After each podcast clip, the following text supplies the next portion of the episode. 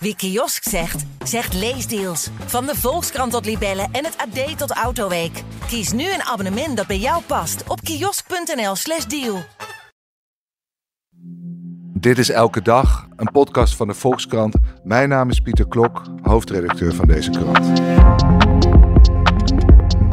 Sommige economische sectoren kosten Nederland meer dan dat ze opleveren, stelt Klaas Knot van de Nederlandse Bank. Slachthuizen, kassen en distributiecentra leveren relatief weinig op en leggen een groot beslag op de schaarse woningen, de schaarse ruimte en de schaarse elektriciteit. Kunnen we van deze sectoren af? Economieverslaggever Tjerk Gualteri van Wezel dook in de cijfers en geeft ons het antwoord.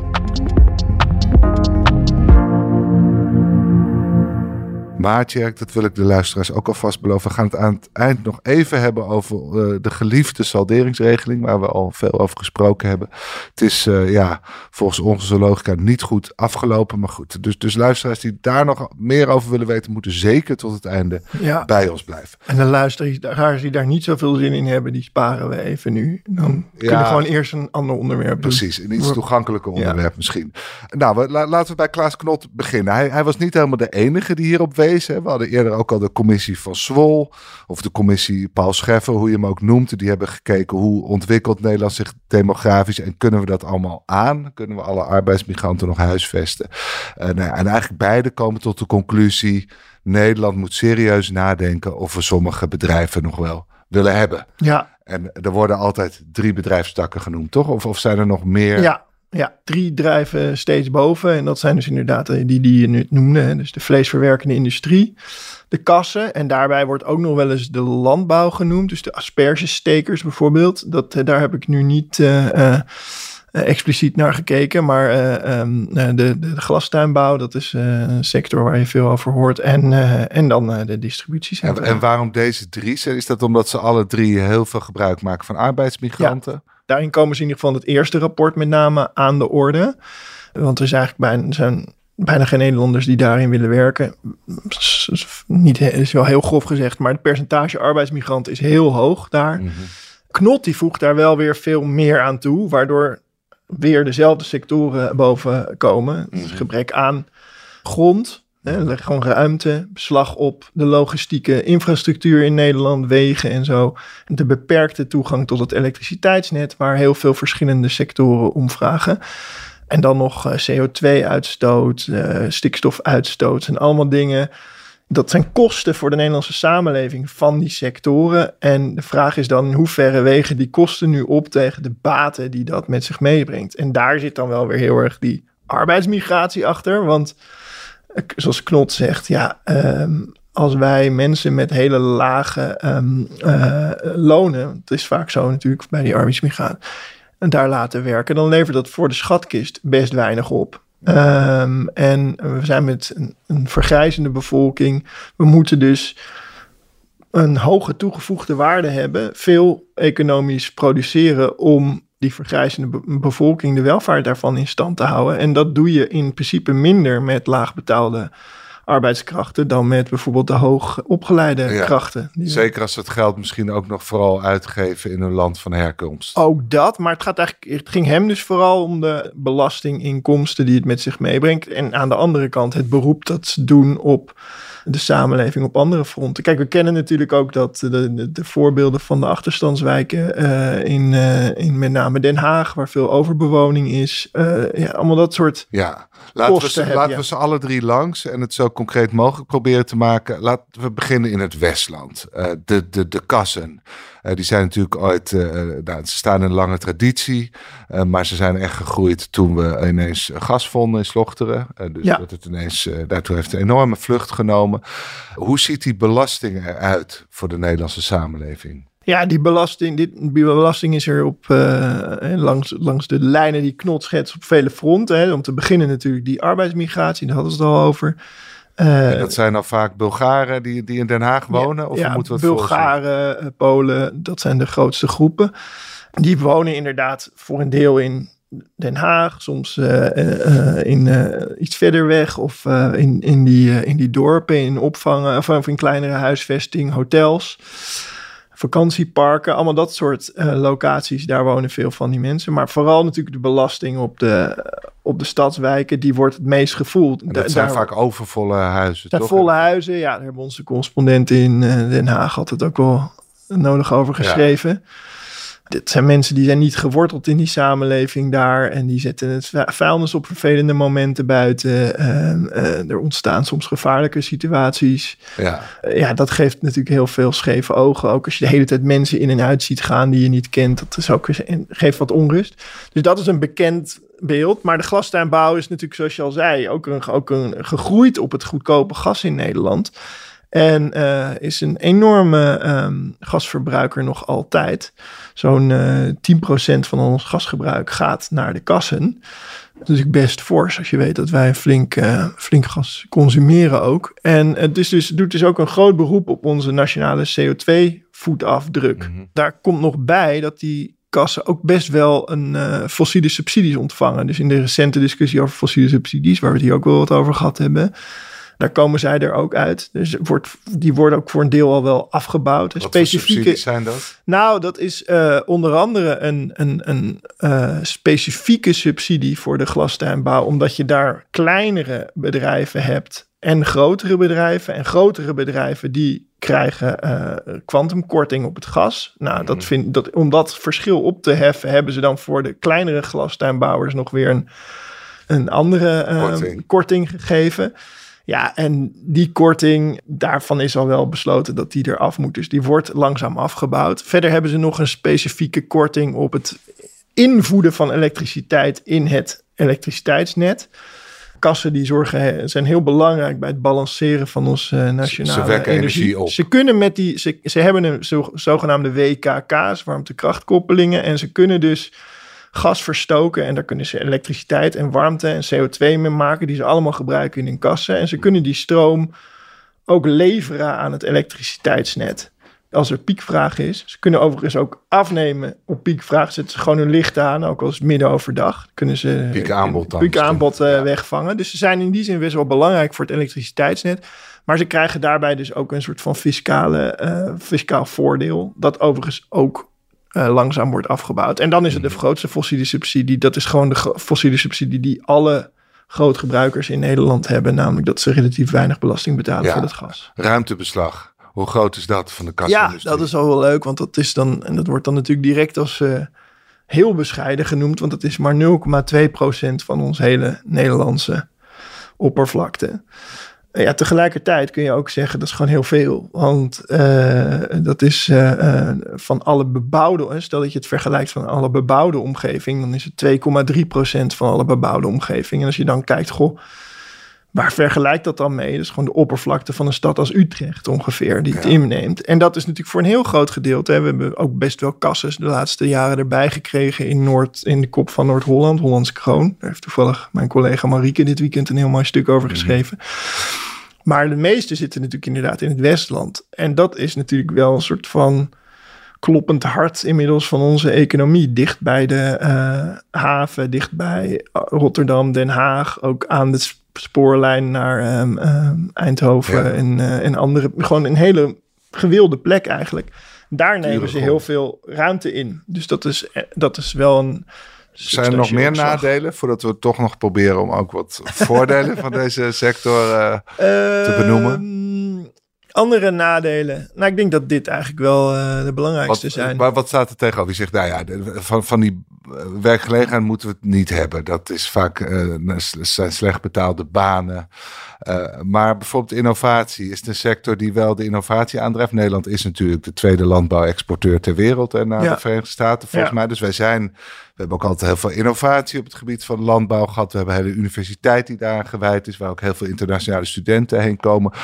Hebben we enig idee hoe belangrijk de, die sector daarvoor is? Nou ja, het is in ieder geval zeker zo dat het beeld dat dat een soort van achterhaalde uh, bedrijfstak is. Dat, dat, dat, is dat, dat moet wel gecorrigeerd worden, want het, het gaat best wel die sector is best wel innovatief, zeker als je het vergelijkt met de rest van de wereld.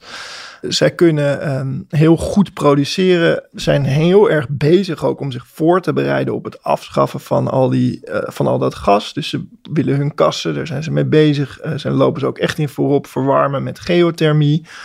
Ze zijn heel erg bezig ook met het opvoeren steeds van de productie per vierkante meter, wat natuurlijk goed is. Uh, om dat efficiënt te doen. Uh, Wat ook fijn is dat het een gesloten systeem is. Ja. In tegenstelling tot, tot landbouw uh, op het open land, waar alles stikstof de lucht in gaat. Ja, dat is natuurlijk ook een verschil. En dus het is wel een, het is wel een innovatieve sector, waar ook heel veel in Nederland inderdaad omheen is gegroeid. Hè? Dus, in de, dus, dus de Wageningen Universiteit is mede gericht op de zaadveredeling en het optimaliseren van dit soort systemen.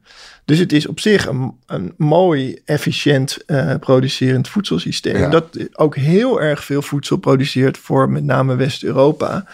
Heel veel groenten. Maar ook heel veel bloemen. Maar, en dat is wel interessant natuurlijk, ook heel veel bloemen. En, dat, en, en ik heb in mijn stuk ook uh, uitgebreid gesproken met de voorvrouw van uh, Glastuinbouw Nederland. En die benadrukt dan ook hè, die, die functie als leverancier van groenten. Maar ja, dan zeg je, vraag je van hoe groot gedeelte van de kassen wordt nu echt voor voedsel gebruikt. En dan zeggen ze ja, 55 procent. En de andere 45 procent is voor bloemen. Dus dan kun je zeg maar het strategisch belang van die kassen met die bloemen is niet zo groot. Nou, antwoord zij, vind ik dan wel geestig, van ja, maar als het oorlog wordt, dan kunnen we die dan weer gebruiken voor voedsel. Oké. Maar ja, dat is toch een beetje ver gezocht. maar dus- ik proef wel, we hoeven er niet helemaal vanaf, maar je moet goed nadenken welke, welke delen echt ons te veel kosten. Het is natuurlijk, zeg maar, dit is natuurlijk ook echt een puur, alsof er geen mensen bestaan in de wereld, een redenering. Uh, er zijn allemaal mensen daar heel gepassioneerd met dat werk bezig die doen dat vaak al vele generaties. Dus als je maar gaat zeggen, ja, jij kan maar wel weg, dat is sowieso niet een goede boodschap. Maar je kunt wel zeggen, en dat is volgens mij ook wat Knot bedoelt en waar, waar die glasruim maar Nederland ook eigenlijk niet heel negatief over is. Ja, maak de randvoorwaarden maar scherp. Ja. Zodat we wel zullen zien wat er dan van ons overblijft. Maar uh, zomaar zeggen, kap er maar mee, dat, dat, dat is wel heel erg Dus je zou uh, ook nog kunnen zeggen van nou, zorg in ieder geval voor huisvesting voor alle mensen die bij je werken. Ja, nou wat ik wel interessant vind, maar misschien wel eindelijk nog wel op, op terugkomen. Maar een van de dingen die zij zeggen ook, hè, als het gaat om, het, uh, om de grote hoeveelheid arbeidsmigranten waar ze gebruik van maken van ja, dat probeer, gaan we proberen terug te, te werken door robotisering. En daar zijn ook allemaal dingen al gaande. Dus gewoon plukrobots. Dat mhm. kun je ook, uh, ja, met de toenemende uh, AI kun je natuurlijk heel makkelijk, of heel makkelijk is overdreven, maar kun je natuurlijk steeds beter robots maken die gewoon kijken naar zo'n tomaat en dan zeggen, deze is rijp en die pluk ik. Mhm. Dat is wel in beweging. Dus zo zijn ze ook wel bezig om hun impact op dat vlak ook terug te brengen. Dus, dus ja, hun, hun, door de randvoorwaarden maar scherp te stellen, kun je hun innovatie aanjagen. Maar als het Westland uh, iets, iets wil doen, zou je toch kunnen zeggen van zorg, zorg dat die arbeidsmigranten niet in Den Haag gaan wonen, ja. in moeilijke buurten, maar huisvet ze gewoon in het Westland. Ja. Maar daar zie je juist dat ze willen niet eens die spreidingswet naleven. Nee, en daarvoor hebben zij, ze, hè, er zijn er al lang allemaal plannen in het Westland om inderdaad meer arbeidsmigranten binnen hun eigen uh, gemeente te huisvesten. En ook daartegen komt dan protest. Dus het komt ook vrij slecht van de grond. Dus ze zijn wat dat betreft hun eigen ruit aan het ingooien. En daar hebben ze er best veel van. Oké, goed. De slachthuizen. Hoe, hoe ziet die sector in Nederland eruit? Ja, nou, daar was ik toch wel weer eventjes eh, stil van. Als je dan op je laat inwerken hoeveel dieren er hier in Nederland uh, tot vlees verwerkt worden. Want ik, ja, ik pak de, pak de cijfers er even bij, maar het gaat per minuut om vier koeien 28 varkens en 600 vleeskuikens. Die er hier doorheen worden gehaald. Doorheen worden en, en, dat is grotendeels voor de export. Ja, dat is een heel groot gedeelte voor de export. Ja, maar dat laat ook gewoon zien dat de, de, de, de landbouw hier een beetje uit zijn voegen is gebarsten. Al dat vlees wat hier geproduceerd, dat moet door die slachterijen heen worden. Ja, dus het, de, de belangrijkste reden waarom wij hier zo'n grote vleesverwerkende industrie hebben, is toch ook omdat we hier zo ontzettend veel dieren Maar dat heb ik nu niet in het stuk gebruikt. Maar ik, ik dacht van nou, fossiele subsidies, die zijn niet echt van toepassing op deze sector. Hè. Ze gebruiken niet buitensporig veel energie of zo. Maar toen belde ik met uh, iemand van Somo, die, uh, dat is dus zo'n zo'n NGO die heel goed kijkt naar hoe regels in het internationale bedrijfsleven zitten. En die ook een rapport over die fossiele subsidies hebben geschreven. En dan is dus een verhaal over de Nederlandse uh, Van Drie groep. Een heel groot uh, landbouwbedrijf dat ook een enorme kalverslachterijlijnen heeft. En die importeren dus veel kalfjes. En die kalfjes, uh, die halen ze onder andere uit Ierland. Die zijn natuurlijk hier een bijproduct van de melkveehouderij. Hè. Stiertjes moet je, hmm. moet je vanaf, die worden geslacht, opgefokt. Maar in melk zit weer melkvet en dat is best wel veel waard in de voedingsindustrie. Dus dat halen ze uit de melk die die kalfjes gaan drinken. Dus die krijgen magere melk en die wordt daar, eerst wordt die melk verdampt en dan wordt het vet eruit gehaald. Als ik, of misschien zeg ik de volgorde niet goed, mhm. maar in ieder geval het wordt verdampt tot melkpoeder en het vet wordt eruit gehaald. En dan hebben ze dus magere melk over om de kalfjes mee vet te mesten. En die worden dan vervolgens weer met plantaardige olie, palmolie, wordt die melk weer wat opgevet, zodat die kalfjes dan genoeg vet krijgen. Dus, dus er gaat dan ineens, er blijkt dan toch ook nog eens fossiele subsidie te zijn die die industrie aanjaagt. Dat is namelijk omdat er zo goedkoop gas is, kunnen ze relatief goedkoop al die melk indampen. Maar het maakt voor mij ook zo duidelijk hoe efficiënt ja. Dat systeem, hoe economisch dat in elkaar zit en dat al die dieren er dan doorheen gaat. Ja, ik vind dat toch zelf best wel pittig. Als pure grondstof. Ja, en heel efficiënt. En dat wordt ook, in dat, dat, ja, dat legt die vleesverwerkende industrie in dat stuk ook heel mooi uit. Van, uh, uh, zij zetten op hun site ook heel heel trots van. Wij leveren uh, uh, 100 voor 100 miljoen mensen wereldwijd in 140 landen leveren wij vlees op hun bord. Ja. En ja, ik, ik vind dat dan schrik ik eigenlijk wel een beetje van. Denk, ja, waarom moeten wij hier in Nederland al dat vlees voor al die landen produceren? Uh, terwijl we een vrij vol land terwijl hebben. we best een vol land hebben. En uh, ja, dan zeggen zij, nou ja, kijk, het is eigenlijk iets, het zit iets anders in elkaar. Het is heus niet dat wij al het vlees voor al die, al die uh, mensen geven, maar in een wat kleinere, binnen 800 kilometer rondom Nederland, zetten wij al ons uh, vlees af. Ja. Dus dat is relatief dichtbij. Dat is gewoon een soort van economische regio. En we doen dat zo efficiënt. Bijvoorbeeld de varkensoren en de varkenspoten. Dat zijn lekkernijen in China. Die kunnen we diepgevroren daar weer heen uh, transporteren. Daar zit dan ongeveer die 20% die verder de wereld over gaat. En doordat wij dat zo goed en efficiënt doen, is jouw carbonade weer goedkoper. Oké, okay, dus er zit een enorme trots in. Nederland doet dit echt heel efficiënt. Super efficiënt, ja. ja. En, maar wie werken er in die slachthuis? Want we hebben tijdens corona natuurlijk wel die verhalen ja. gehad van, van Roemenen die daar moesten doorwerken. En ja. nou ja, en op een gegeven moment allemaal corona hadden. Uh, was dat representatief? Uh, nou, in, in de slachthuis is ongeveer de helft van de uh, medewerkers arbeidsmigrant. Mm -hmm.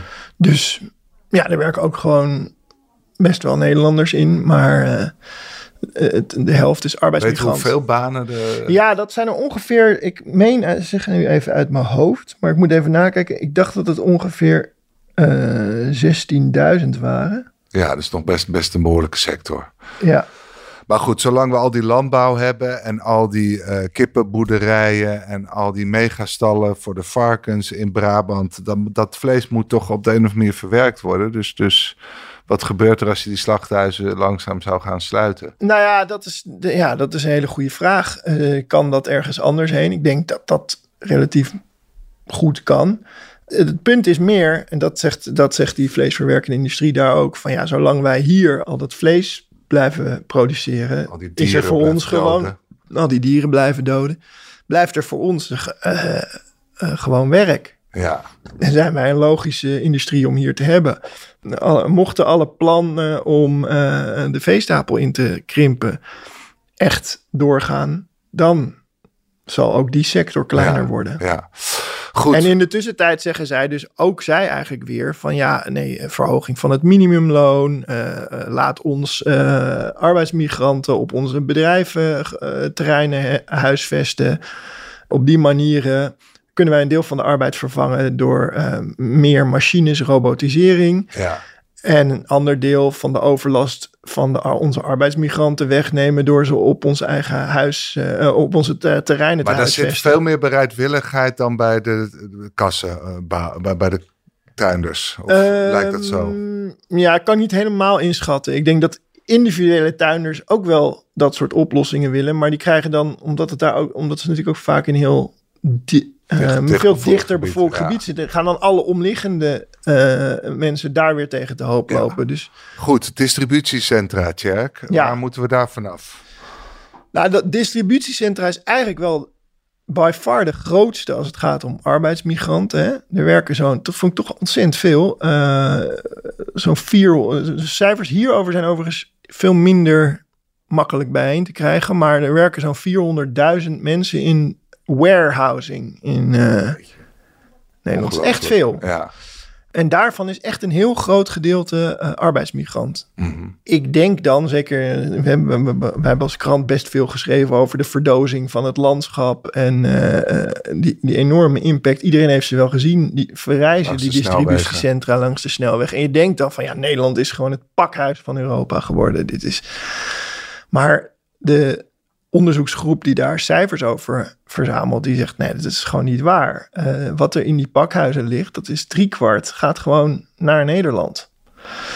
Ja, hoe kan dat dan? Hè? Dat, is, dat, is, dat is echt de opkomst van e-commerce natuurlijk. Mm -hmm. En ja, de cultuur van vandaag besteld is morgen in huis maakt gewoon dat je dicht bij mensen gewoon al die spullen moet hebben liggen. Ja, maar in tegenstelling tot bij die slachthuizen en bij die kassen produceren we hier niet voor het buitenland. Veel minder, dus, dus een, een kwart zou dan maar naar het buitenland gaan. En, en, en het ruimtebeslag dat dat neemt, dat is dus voor een deel ook verplaatsing van ruimtebeslag dat eigenlijk elders was. Bijvoorbeeld ook allemaal grote bedrijven, ook ASML bijvoorbeeld, heeft een distributiecentra gemaakt, een mm. centrum laten bouwen.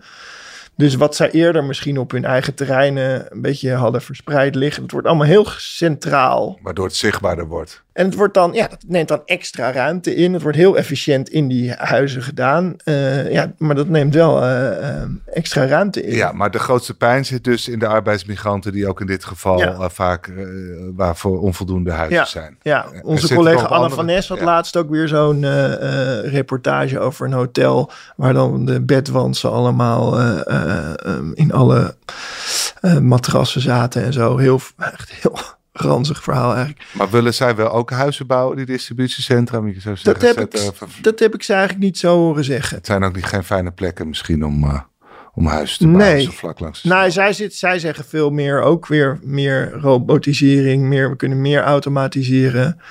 En ze zeggen ook, het is nu wel, hè, de echte groei is er wel zo'n beetje uit. We hoeven niet heel veel groter te worden. Nou, eigenlijk zeggen die sectoren, joh, laat ons nog maar even, het wordt vanzelf minder. We gaan met AI en robots, gaan we die, die arbeidskracht Ja, dat zie je dus wel overal terugkomen. Dat, dat, dat ze denken van ja, robotisering. Kijk, als, als, als jullie allemaal die arbeid duurder maken, dan wordt het voor ons al sneller eh, maar dat, mogelijk dat, dat vragen om ze expliciet robots. om. Nou, ze vragen er niet om, maar dat, dat, dat, is, dat is wat al die sectoren wel zeggen, ja, wij begrijpen ook van, hè, we, we moeten wel wat blijven toe, toevoegen ja. aan de economie. Dus als de spelregels maar een beetje eerlijk zijn, dan kunnen wij best met hoger ja. minimumloon leven of uh, hogere eisen aan de huisvesting van onze, uh, van onze medewerkers. Ja, dat, wat, hebben we, dat, dat, dat kan dan. Ja, want de overheid kan dus het minimumloon verhogen. Wat kunnen overheden nog meer doen? Kunnen gemeentes nog iets doen? Of? Ja, gemeente, daar, daar is dat stuk van Marieke uh, afgelopen weekend dus heel, heel goed voor. De gemeenten gaan natuurlijk over de vergunningverlening. En, en die, ja, die kunnen, kunnen gewoon eisen. zeggen van ja, hallo, wat ga je hier, dat, wat ga je hier eigenlijk voor, voor ons als gemeenschap betekenen? Het ziet er niet uit. Uh, we hebben al problemen om, om onze lokale mensen te huisvesten. En jullie, ko- en er, jullie trekken allemaal nieuwe arbeidskrachten aan. Die hier weer ook een beroep doen op onze schaarse woningen. Dus ja, we hebben er eigenlijk niet zo trek in. En dan geef je gewoon geen vergunning. Geven geen vergunning. Maar dan gaan ze naar de buurgemeente. Nou ja, die moet dan maar bepalen of hij dat wil. Maar, uh, maar waarom doen gemeentes dat nu niet? Zij zeggen, ja, waarom deden gemeentes het wel, kun je je beter afvragen. En dat is volgens mij omdat het gewoon geld in het laadje bracht als je, uh, uh, als je vergunningen voor dat soort dingen ging afgeven. Ja. Gronduitgaven levert gewoon geld op. Maar ja, ja, daar komen ze toch een beetje van terug. Want de impact, ja, de impact op de gemeenschap is. Oké, okay, dus gemeentes beginnen nu eigenlijk vanzelf al te zien dat de kosten vaak hoger zijn dan de baten. Dus, ja. dus het probleem lost zich. Deels en het andere deel op. is dus die fossiele subsidies uh, ja. is, is heel belangrijk. Nou, stikstofwetten gaan naleven. Uh, daar gewoon eindelijk is uh, vaart mee maken. Dat gaat allemaal wel helpen natuurlijk. Zodat je ze dwingt om te, om te veranderen. Ja, en wat een hele belangrijke is, als stel Nederland... Kijk, Nederland heeft natuurlijk niet echt een visie op welke bedrijvigheid wil je weg hebben. Dat is ook best moeilijk. Maar stel nu dat ze zouden zeggen, nou ja, weet je wat, die bloemen, daar hebben we niet zoveel zin in. Mhm. Ja, dan kunnen ze in elk geval subsidies voor onderzoek en innovatie op het gebied van bloemen, kunnen ze bijvoorbeeld niet meer gaan verstrekken. En, en er zijn ook allemaal vergunningen en, eh, en extra investeringen nodig om de energievoorziening van die kassen groen te maken met die geothermie en, en verzwaringen van het elektriciteitsnet. Dat zijn natuurlijk wel dingen waar je eventueel op zou kunnen sturen. Want, dit heb jij nog niet genoemd, het, elektriciteitsnet. Uh, nou, dat is natuurlijk een steeds groter probleem aan het worden. Dat bedrijven niet meer aangesloten kunnen worden, omdat het net vol zit met alle zonnepanelen die hun energie ook kwijt moeten. Speelt dat in deze discussie ook nog? Nou, dat speelt dan met name bij die kassen, voor zover ik het heb kunnen zien. Oké omdat die natuurlijk gewoon heel veel energie gebruiken. Dus als die... Maar die kunnen ook als een soort batterij dienen. Als ja, maar die moeten, ja, maar die moeten dus, als, als ze van het gas afgaan, dan moet een deel van, het, van die energie komt dus ofwel uit, uh, uit de grond in, in de vorm van geothermie, of in de vorm van duurzaam opgewekte elektriciteit. Ja, die moet wel ergens vandaan komen.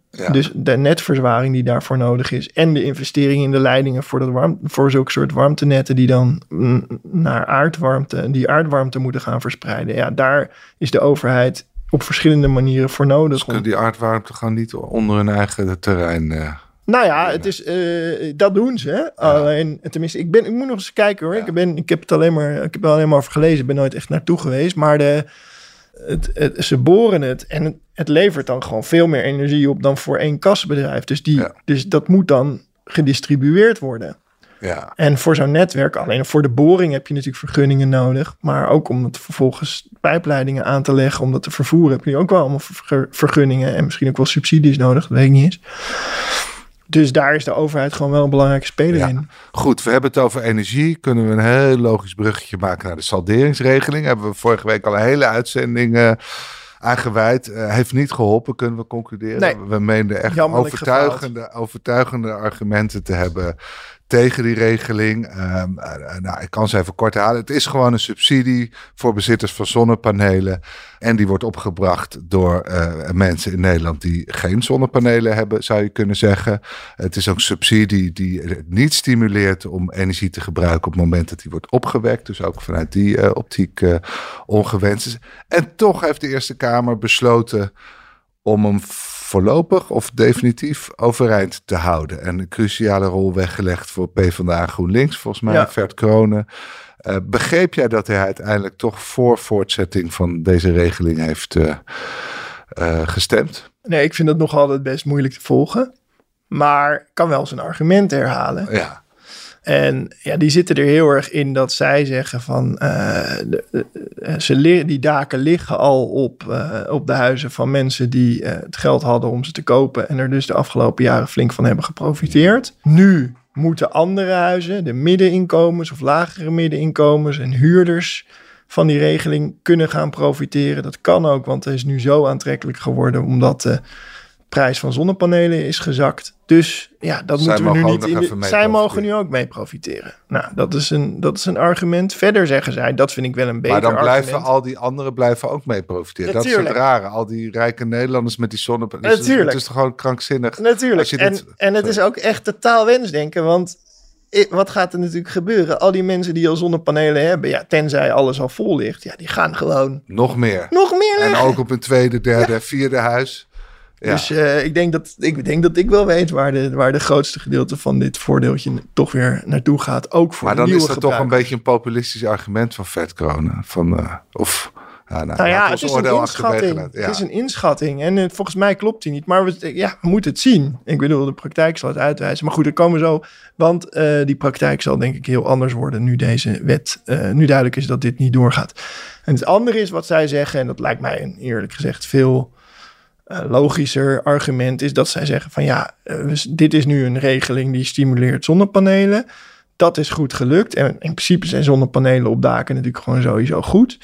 In de tussentijd zijn er allemaal dingen die geregeld moeten worden om het voor burgers en bedrijfjes die zonnepanelen hebben om zelf energie opwekken makkelijker te maken om dat onderling te delen. Uh, er moeten allemaal, allemaal nieuwe regels rondom dat nieuwe elektriciteitsnet. Daar wordt heel, heel, heel, erg over nagedacht, maar die wet is er nog niet. Dus wij weten niet hoe dat er precies uitkomt te zien. Daar hebben we hele sterke meningen over. Als wij nu al weggeven dat dat salderen eraf gaat. Oké, dus dan, we willen eigenlijk deze troeven in hun mouw houden. Dat proef je een beetje. Ja. Maar mijn inschatting is, eerlijk gezegd, dat een groot gedeelte van die troef uh, nu op een andere manier wel uit handen zal verdwijnen. Maar goed, de brede zorg kun je ook nog wel voorstellen. Meer onzekerheid, waardoor toch mensen denken, nou ja, ik zie er maar vanaf. Uh, dus, dus hun redening is waarschijnlijk ook, elke, elke zonnepaneel is er één. En, en als dat uh, ertoe leidt dat, dat sommige mensen daar wat extra voor hun energie moeten betalen, dan moet dat maar. Het, ja. De doel heiligt de middelen. Dat ja, proef je toch ook dat, een beetje Dat zit er een beetje in. En nou ja. Maar goed, jij, zei, jij schreef, en, en dan houden we eraf op hoor, dat waarschijnlijk de energie... De, de energie, luisteraars, maar we moeten nog even...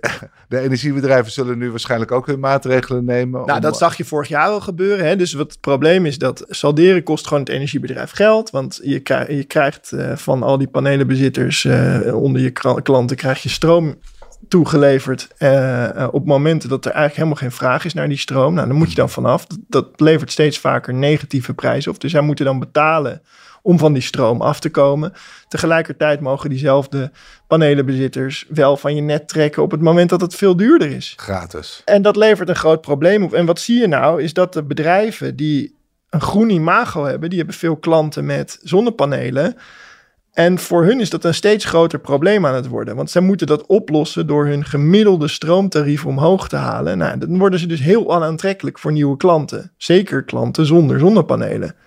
Dus die prijzen zichzelf langzaam uit de markt. En dat wat zag je nu als eerste gebeuren van de zomer? Dat van de Bron, uh, die, zo'n, ook zo'n groen bedrijf, althans met een groen imago. En die zeiden van ja, dit gaat niet meer. Dus die hebben een nieuwe uh, kosten in rekening gebracht voor uh, klanten met zonnepanelen. Als zij heel erg veel terugleveren aan het net, moeten zij een extra bedrag betalen per maand. Ja. En ja, als dat eenmaal is ingezet. Dan kan je die zeggen regeling ook helemaal Dan is het aan die kant van het spectrum, en die kant van het voordeel, is het al opgelost. En het andere grote deel van de salderingsregeling is dus subsidie via de belastingen. Je hoeft geen belasting te betalen over de energie die je saldeert. De energiebelasting is ongeveer de helft van, je, van je, wat je betaalt voor een kilowattuur stroom. Dus daardoor loopt de Belastingdienst gewoon geld mis. Dat is ook nu een probleem voor een volgend kabinet, want die moet dat gat dat door deze situaties ontstaan gaan oplossen in een nieuwe begroting. Maar tegelijkertijd zie je ook een hele grote discussie over in het kader van de fossiele subsidies, dat het eigenlijk raar is dat elektriciteit zo zwaar wordt belast. Dus ik denk dat de belasting op elektriciteit dat een hele goede kans is dat die komende jaren verder omlaag gaat. Dus het de belasting op gas gaat dan omhoog. Ja. Uh, belasting met name voor bedrijven die gasverbruiken zal omhoog gaan. En, dan komt en, het heel en hoe lager de belasting op elektriciteit legt, ook hoe kleiner de impact van salderen is op de staatsbegroting en hoe kleiner het voordeel voor de zonnepanelenbezitters. Goed, nou Jack, blijf het voor ons volgen. Ik denk dat het niet de laatste keer is dat we salderingsregeling hebben besproken. Als u het niet helemaal kon volgen, luister vooral de aflevering van vorige week nog even terug. Daarin wordt het vrij helder uitgelegd aan de hand van aardbeien. Aardbeien, ja. Tjerk, dank voor je heldere uitleg. Graag gedaan. En u luisteraar, dank voor het luisteren. De Volkskrant Elke Dag wordt gemaakt door Lotte Grimbergen, Rinky Bartels, Julia van Alem, Corinne van Duin, Jasper Veenstra en Nathalie Denis. En wilt u de Volkskrant steunen? Neem dan een abonnement. Dat kan nu voordelig via volkskrant.nl slash podcastactie. Want deze podcast is gratis, maar onze journalistiek is dat niet. Morgen zijn we er weer. Tot dan. Wie kiosk zegt, zegt leesdeals. Van de Volkskrant tot Libellen en het AD tot Autoweek. Kies nu een abonnement dat bij jou past op kiosk.nl/slash deal.